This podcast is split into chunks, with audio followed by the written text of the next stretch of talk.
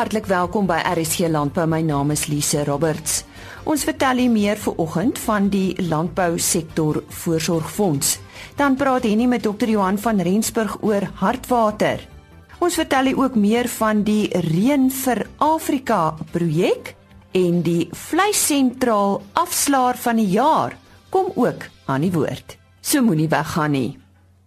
Hierdie insetsel word aan jou gebring deur die Landbou Sektor Voorsorgfonds. Gemoedsrus vir jou en jou werkers. Begrafnisvoorsiening is 'n onderwerp waaroor ons nie sommer graag wil praat of aandink nie, maar wat in 'n nagmerrie kan ontaard as daar nie voldoende voorsiening gemaak is nie. Johan van der Rooyen, die bestuurende direkteur van Maxi Employee Consultants, gesels nou met ons hieroor en dit is natuurlik 'n baie sensitiewe onderwerp. Johan Moore, dood is vir ons maar almal 'n moeilike situasie om te hanteer. Wat is logies die gebeure wat volg met die dood van 'n werknemer of 'n familielid? Goeiemôre en goeiemôre ook aan die luisteraars. Ek dink dit is ehm um, een van die belangrikste aspekte van die lidmaatskap van 'n voorsorgfonds is om seker te maak dat die voordele wat daarin vervat is werklik vir die lid daardie gemoedsrus gee dat daar na daai spesifieke aspekte omgesien word. Daarom het ons definitief binne in die landbousektor voorsorgfonds of die ASPF, die Agricultural Sector Provident Fund, maak ons voorsiening vir beide begrafnisdekking sowel as doodsdekking. Maar om dit in 'n enkele pakket alleen te voorsien, gaan nie die antwoord wees nie. Daar's ook ondersteuning en berading en en so meer nodig om die trauma wat gepaard gaan met so 'n gebeurtenis 'n bietjie te verlig. So dit is een van die heel belangrikste aspekte wat ons op fokus. Is daar slaggate of situasies wat die proses kan vermoeilik? Ek dink dit is 'n 'n oorgeerfde gebeure dat wanneer daar 'n werknemer van 'n werkgewer te sterwe kom of 'n familielid, dan is die eerste port of call wat die werknemer na haas is om by die werkgewer te probeer daardie raad en hulp en leiding te kry om daai probleem op te los. So slaggate is daar verseker. Ehm um, ons het ook verskeie gevalle gehad waar daar met ondernemers gewerk was wat nie geakkrediteer was nie, wat nie noodwendig gelewer het wat hulle beloof het nie en dis meer. So ons probeer in alle omstandighede dit op so 'n manier hanteer dat daarna die lid en die werkgewer omgesien word. Vind julle dat uh, mense onwillig is om begrafnisdekking te neem of is hulle bloot net oningelig? Ek dink die laaste. Ek dink hulle is werklik oningelig. Ehm um, veral omdat 'n uh, element soos 'n voorsorgfonds 'n produk soos 'n voorsorgfonds baie tegnies kan raak as as jy dit nie werklik eenvoudig hou nie. Ons het in alle omstandighede probeer om die landbousektor voorsorgfonds so eenvoudig as moontlik te hou. En as die werknemers dit verstaan, dan is hulle baie genee om daaraan deel te hê, want hulle sien die voordeel vir hulle self en vir hulle familielede en die voorsiening wat daarmee gepaard gaan. Hoe vergemaklik lidmaatskap van die landbousektor voorsorgfonds hierdie proses nou vir almal? Ek dink daar is aspekte, drie of vier aspekte wat wat wat werklike verskil maak. In die eerste instansie gaan dit oor die beskikbaarheid of die redelike beskikbaarheid van die geld om die begrafnis te reël vir die lid.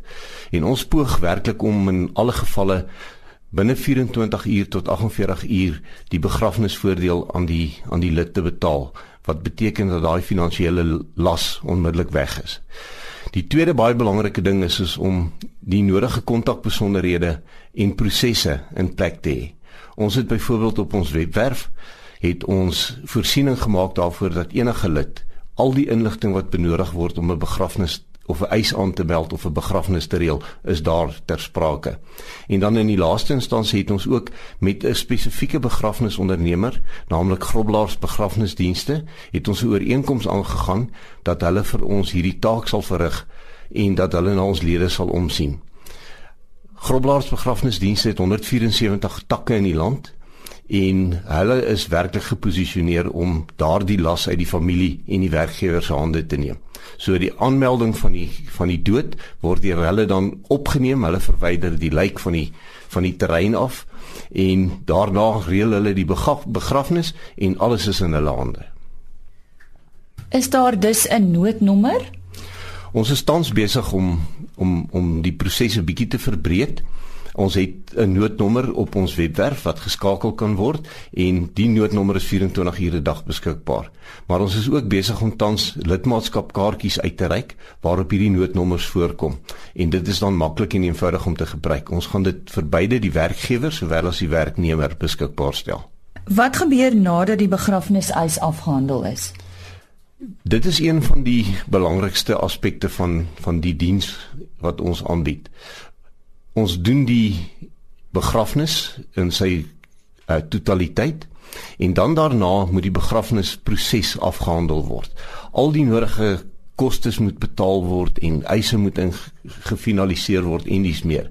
En dan moet die restant dit wat oorbly nadat die begrafnis dan gedoen is, moet dan aan die lid se naasbestaandes of aan familie uitbetaal word. En ons sien toe dat daai proses 'n 360 grade proses word om seker te maak dat daar nie iewers 'n uh, bietjie pap op die grond val nie. Johan, goed net weer uh, die webtuiste as ook 'n kontaknommer of dalk 'n nommer waarna toe iemand 'n SMS kan stuur. Soos wat ek reeds gemeld het, is daar 'n formele noodnommer op op op, op ons webwerf en dit kan 24 ure 'n dag geskakel word. Dan die webwerf se adres is ispf.co.za en hulle kan my ook persoonlik skakel en ek sal toesien dat die inligting op die regte plek vervat word. My nommer is 082 773 7635. 082 773 7635. Hierdie insetsel is aan jou gebring deur die Landbou Sektor Voorsorgfonds. SMS 082 766 4584 vir meer inligting normale tariewe geld. Ons uh, gaan nou oor hartwater gesels en ons praat uh, met uh, eh, Dr. Johan van Rensburg. Hy is hoof van bemarking en verkope by Afriwet. Die naam sê dit al uh, presies uh, wat veroorsaak die siekte Johan? Nee, hartwater is 'n siekte wat uh, deur bosluise oorgedra word. Dit is 'n Rickettsia spesies, 'n bakterie tipe van 'n gogga wat deur die bosluise oorgedra word en natuurlik in die diere infekteer. En uh dis 'n bitter klein or or organisme en die bondbosluis as die primêre oordragmeganisme van van hierdie siekte. Dit is 'n 'n bosluis wat homself beperk tot die warm en klam dele van die laafveld en bosveldgebiede. En ons sien dit hoofsaaklik in die oostelike gedeeltes van Suid-Afrika en in die Limpopo provinsie, maar kan so ver suid gaan, jy weet, as Mosselbaai daar in die Weskaap en Nou interessant genoeg, hierdie siekte is nie 'n siekte van gister nie. Sê die eerste voortrekker pionier se Luitrigard hier in 1838 is al deur hierdie is van hulle diere al plat getrek deur hierdie siekte. So dis 'n dodelike siekte uh, um, onder skape en beeste, nie net beperk tot beeste nie, dit en natuurlik bokke ook.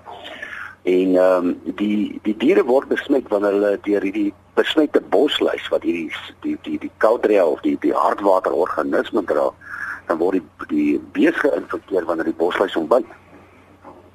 En dit is gewoonlik so binne 28 dae nadat die die organisme hom nou self versprei het hierso in die selle en in die bloedvate van die van die bees self dat die diere hierdie kliniese tekens begin wys. Hierdie kliniese tekens, wat is dit presies? En die belangrikste organe wat deur hierdie siektes aangetast word is maar die brein en die longe. En uh wat hierdie organisme doen, hy beskadig die bloedvate hoofsaaklik in die brein en dan sypel daar letterlik vog deur hierdie bloedvate in die weefsels aan die buitekant van die are. En dit lei natuurlik tot edeem of of of vogaansameling in die op die brein en dit veroorsaak kliniese tekens. En selfs die hart, die hart ook die hart het mos maar 'n sak nou om om jy weet en wanneer hierdie vog ook uitsypel daarso en dan kry ons hierdie vogaansameling in die hartsak en En dis waar die ou mense aan die aan die aan die naam gekom het hartwater, jy weet, as hulle nou 'n nadoetsondersoek doen en dan sien hulle hierdie vog wat om hierdie hart sak is met hierdie gepaardgaande kliniese tekens. Ons sien baie keer dat die diere baie uh, of oormatig reageer op op uitwendige stimule. En ehm um, as jy byvoorbeeld hard sou klap of stamp of iets raas teen die diere dan kan dit lei tot die die ontwikkeling van tenniese tekens of senuweetekens waar die diere hierdie rukbewegings begin kry. Ehm um, hulle kan gaan val, neerlê, nou kry jy die hartklopbewegings, 'n nek wat agteroor trek ensovoorts. Daar's natuurlik ook baie vog wat aangesamel word in die longe in en jy kry hierdie skuim wat by die neusgate uitloop. En in erge gevalle is dit kan dit gebeur dat die dier maar basies in sy eie vloeistof in verdrink, jy weet. En uh, is daar 'n manier om om om voorkomend op te tree? En ja, daar's daar's daar's uh, enstof beskikbaar vanaf vanaf onderste poort wat ons wat ons gebruik is 'n dis 'n bloedenstof en die die beginsel van hierdie enstof is is dat jy basies hierdie enstof wat die lewendige organisme vat in bloed in vir die diere inspuit op 'n sekere ouderdom en op 'n sekere stadium ensovoorts. Jy moet hulle dan baie naby monitor of of uh, jy kan nie net die diere inent en hulle los nie. Dit is met 'n gewone enstof nie. Jy infekteer basies die diere met hierdie enstof en dan moet jy hulle monitor sodat hulle immuniteit kan opbou oor 'n periode van 18 tot 20, 21, 8 tot 28 dae. Dis een ding, die die die ander ding wat wat boere ook doen is en wat veeartse baie keer ook doen is waar diere in areas beweeg waar hardwater is dan kan hulle die diere inspuit met oksitetrasikliin. En dit is soos 'n kombersbehandeling, jy weet. En dan moniteer jy maar net hierdie diere op 'n weeklikse, twee weeklikse basis om te kyk of hulle enige kliniese tekens ontwikkel, soos byvoorbeeld om die diere wat 'n koors ontwikkel, diere wat lusteloos lyk ensovoorts. Die die die belangrike ding maar van hartwater en is is dit dit is 'n akute siekte of selfs 'n terakute siekte. So wanneer die diere hierdie siekte opdoen, is die behandeling van hierdie siekte moet baie vinnig plaasvind. Dit is nie 'n ding wat jy kan los tot môreoggend en hy gaan hy hy sal okay wees nie. Jy weet jy moet hom fisies baie vinnig behandel. Ja, ons sê baie dankie aan dokter Johan van Rensburg, hy is die hoof van bemarking by Afriwet. Die Landbou Navorsingsraad het 'n missie en mandaat om by te dra tot die voortdurende ontwikkeling van die nasionale landbousektor deur navorsing en projekte saam met plaaslike en internasionale vennote. Die Reën vir Afrika inisiatief is innoverend en is deur plaaslike en internasionale vennootskappe geïmplementeer. Chris Kemfer, die projekleier, gesels met ons oor die projek. Chris, goeiemôre. Hoekom het julle spesifiek op die projek besluit? Uh goeiemôre. Ek het nie eintlik op die projek besluit nie, die projek het op my besluit. Ehm um, ons is genader deur 'n uh, Hollandse maatskappy om deel te vorm van 'n uh, projek waar die Hollandse ehm um, uh, Space Agency uh, geld beskikbaar stel vir projekte vir klein boere en dis hoe ons daarbey betrokke geraak het op die ou einde van die dag. En wat is die hoofdoelwit van die Reën vir Afrika projek? Okay, die Rainfall Africa projek uh, het 'n doel om tegnologie en inligting aan klein boere te verskaf. Ehm um, soos jy seker weet, dis dit baie moeilik om inligting te bekom en ons het besluit ons wil 'n uh, app ontwikkel wat uh, die klein boer geleentheid gee om data te kan kry rondom reënval, ehm um, temperature en dis meer sodat hulle uh, besluite kan neem in terme van hulle boerdery aktiwiteite. Maar hoe pas die projek nou in by die Landbou Navorsingsraad se huidige visie? Kyk, uh, dit, dit die die visie van die Landbou Navorsingsraad is natuurlik navorsing en die beskikbaarstelling van van data as een van hulle ehm um, kenmerke. En en hierdie projek val 100% net mooi daarin. Ons het 'n hele afdeling wat kyk na kleinboerontwikkeling en uh, so ja, hierdie projek pas baie goed daarin. Wie wil julle almal bereik met die projek? Net nou gepraat van kleinboere, is dit maar net hulle? Nee, nee, kyk, ehm um, alhoewel die fokus op hierdie stadium op kleinboere is, ehm um, die inligting wat beskikbaar gestel word vir kleinboere is natuurlik ook van belang vir kommersiële boere en dit sal waarskynlik op 'n meer gekompliseerde manier of meer 'n uh, diepte manier aan kommersiële boere beskikbaar gestel word op 'n latere stadium. Maar op hierdie stadium 'n baie eenvoudige manier om vir klein boere byvoorbeeld te sê dit is nou tyd om jou mielies te plant. Daar was genoeg reënval en ons vooruitsigte vir vir reën en temperature en dis meer is alles in in in wat noem mense dit in sink met met met wat jy wil beplant en en dis die manier hoe ons vir inligting gaan verskaf. Nou watter instansies is betrokke by die versameling van hierdie data? Hey, daar's uh, daar is twee Suid-Afrikaanse ehm um, organisasies betrokke. Dis nou die Landbou Navorsingsraad vir onsself, dan die Suid-Afrikaanse Weerbureau, ehm um, SOS, dan agt Hollandse maatskappye en ehm um, onder andere Hydrologic wat vir ons die platform verskaf waarop hierdie tegnologie gehandhaaf gaan word en waar data geïntegreer gaan word. Dan het ons die weerbureau van die Hollandse ehm um, regering. Ons het uh, klein maatskappye wat al aplikasies ontwikkel het wat betrokke geraak het. Nou die verbruiker ek weet uh, soos hulle sê daar's meer selfone uh in Afrika as wat daar tandeborsels is.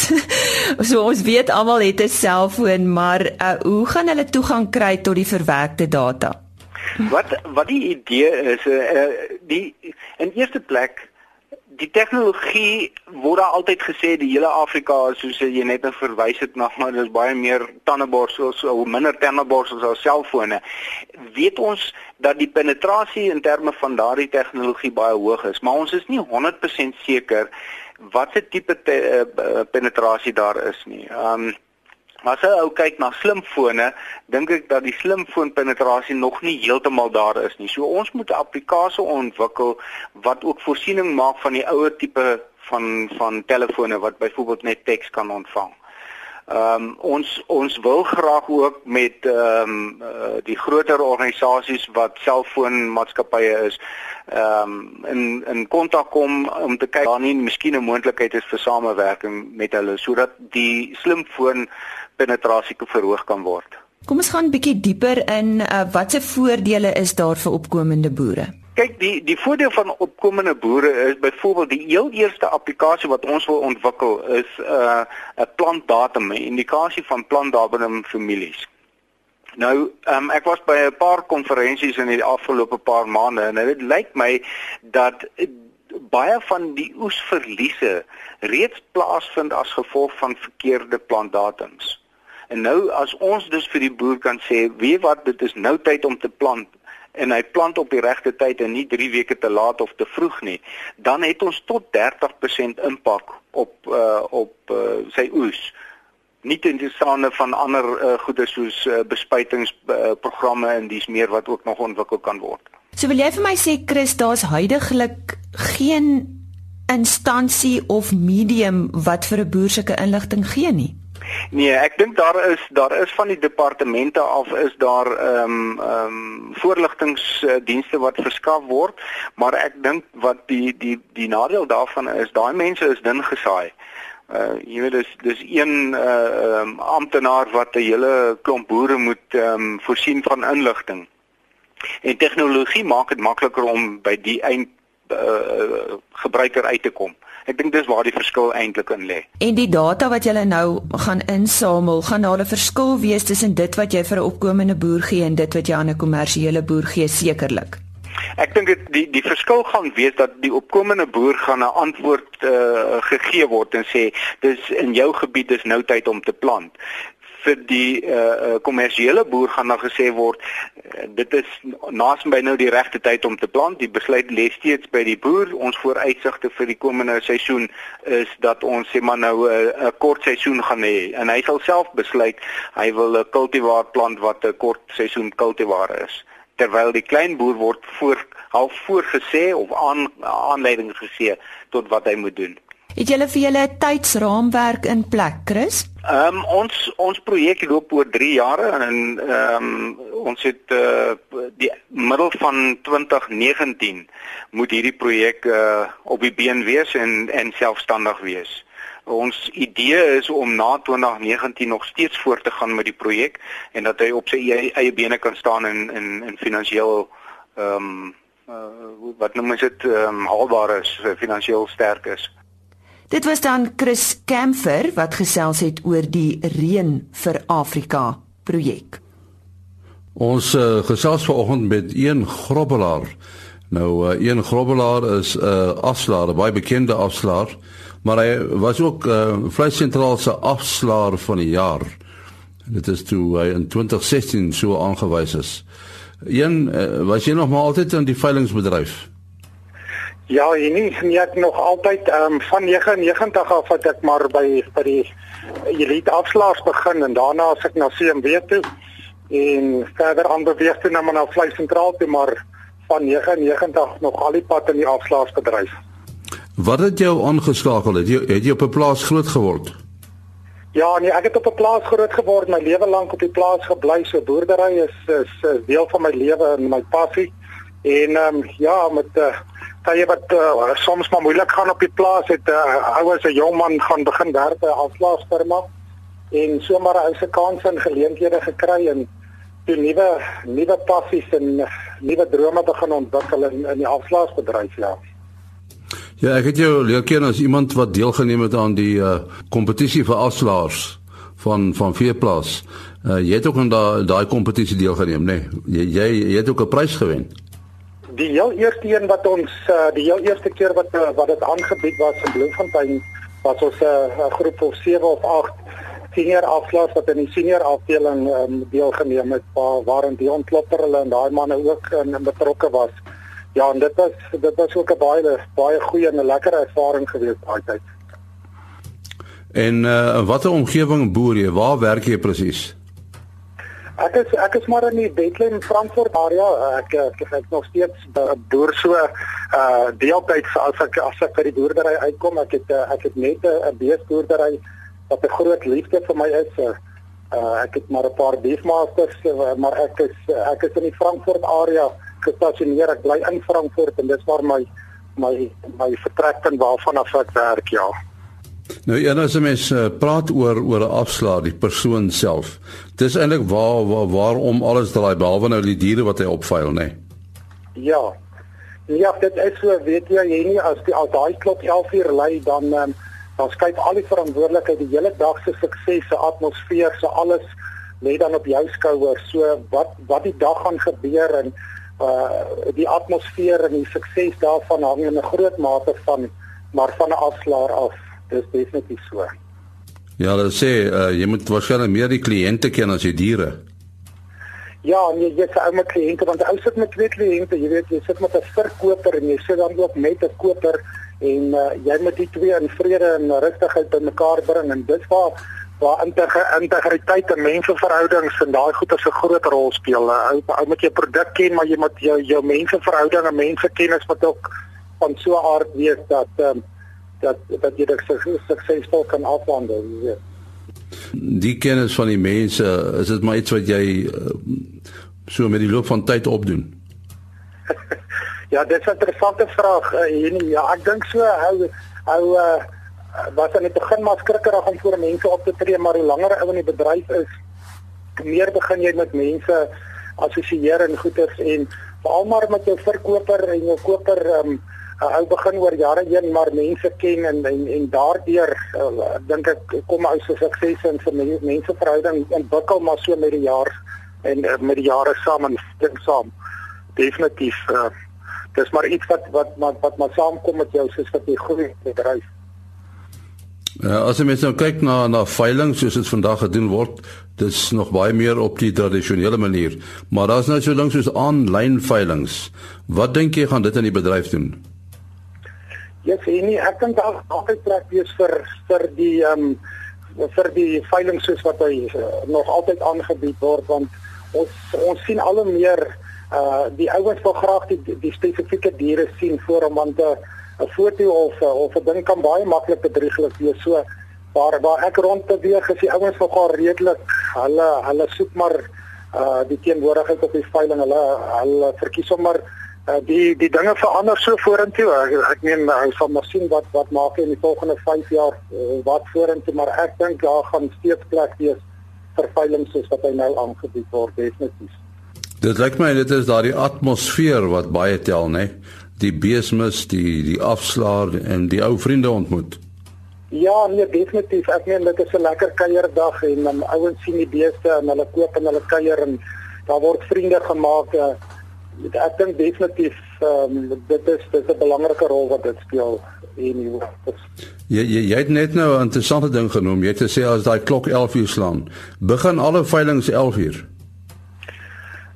Nie altyd nie. Nie altyd nie. Daar's gewoonlik 'n koper wat bel of iets iets wat voor lê maar ons probeer dit so so so ver as moontlik stiptelik 11 uur maar hy word partykeer getrek hier na so 10 oor of kwart oor 11 toe. Afhangende van wat die wat die gevoel is van die verkoper as hy as hy gemaklik is daarmee in in 'n bietjie wil reg daarmee uh dan dan dan doen ons dit maar die meeste van die veilinge begin 11 uur. Dit is maar al dit so vas ingeprent by almal dat veilinge begin om 11 uur. Nou ja, baie geluk aan Ian Grobbelaar wat aangewys is as vleisentraal se afslaer van die jaar en dankie ook aan Henny Maas. Onthou u kan www.rsg.co.za raadpleeg vir die program Enige RC landbouprogram word as potgooi gelaai of die onderhoude word op www.agriorbit.com gelaai. Klik net bo aan die bladsy op broadcast en dan RC landbou. Dit is www.agriorbit.com.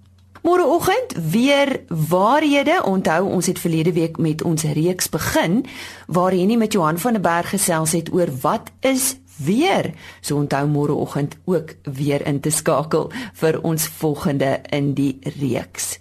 Bobbejane en bosbou, soos u weet, is daar 'n groot probleem met bobbejane en ek gesels met Michael Pieter van Bosbou SA daaroor. Primêre gesondheidsorg kom ook onder die soeklig. Dit is van die onderhoude môreoggend op RSG Landbou. Weer saam met my, Lise Roberts. Totsiens. RSG Landbou is 'n produksie van Blast Publishing. Produksieregisseur Henny Maas. Aanbieding Lisa Roberts. En uitskoördineerder Martie Kerstyn.